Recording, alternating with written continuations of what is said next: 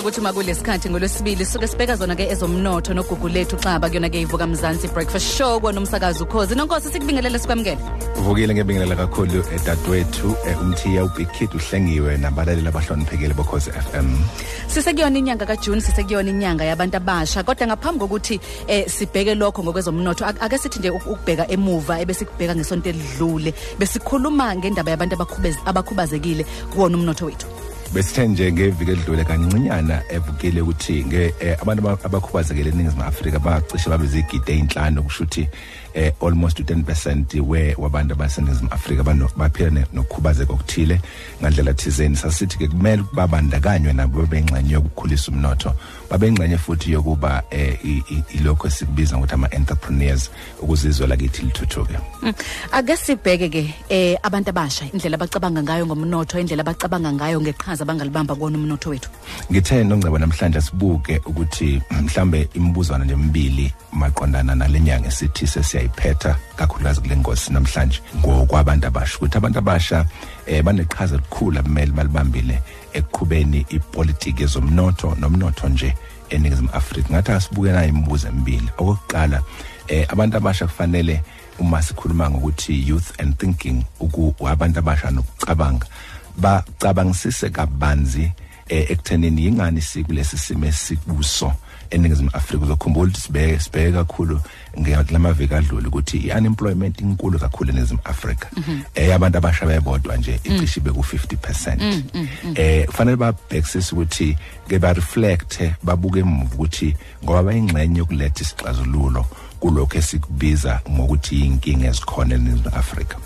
Okwesibili bese bebheka futhi ukuthi em yini indaba thina eh, eningizimu Afrika eh si si si si, si majorisha low ngamanye amazwi sishaya phansi kakhulu ngokwezi ngitshengiso ethu ekubizwa ukuthi ama indexes lapho othola ukuthi eh i global entrepreneurship monitor noma i World Bank index namanye ama index akhuluma ukuthi uhle impela okwenzeka eningizimu Afrika kusukela 1994 kodwa makuze entuthukweni yezomnotho eh nakwi entrepreneurship siphansi kakhulu zokhumbula noncebo ngicabanga ukuthi ubukhuluma izolo ngendaba ye crime ukuthi Yeah. siyizwe lile emuva eh sihambisana namazwe impela alwayo. Eh eh, Asempini. kodwa sibe siyizwe elihle kangaka. Kufanele sinike isikhathi ukuthi sicabangisise lokhu ke njengabantu abasha. Ngize ngathi ke lapha eh siqala kuyisihlaziyisona yalonyaka ekayilethwa umnumzana Ramaphosa sabheka lapho ukuthi kuzoba khona ngisho i-job summit. Eh manje khona ezinye izinto engicabanga ukuthi iphumile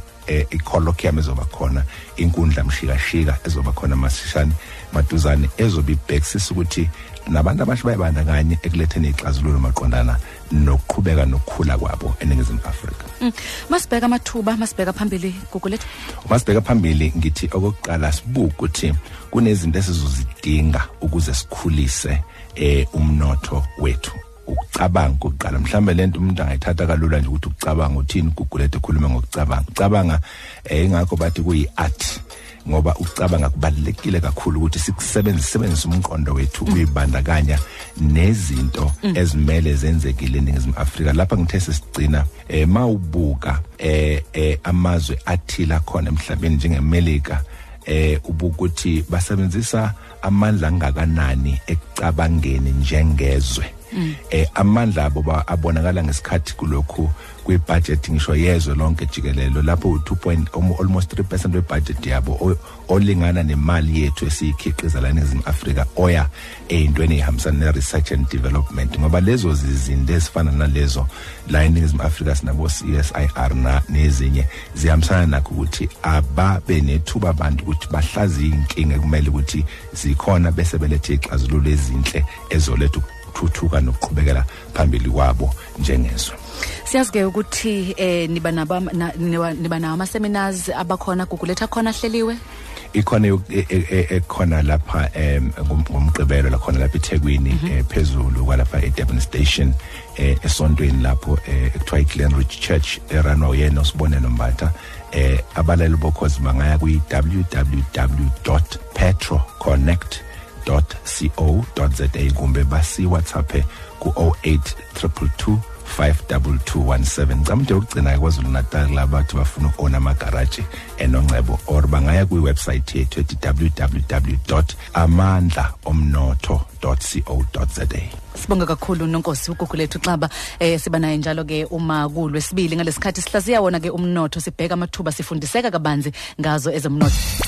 Uma uthi #vmbs ku Twitter. Ungumlandeli ohamba phambili njengokhozi FM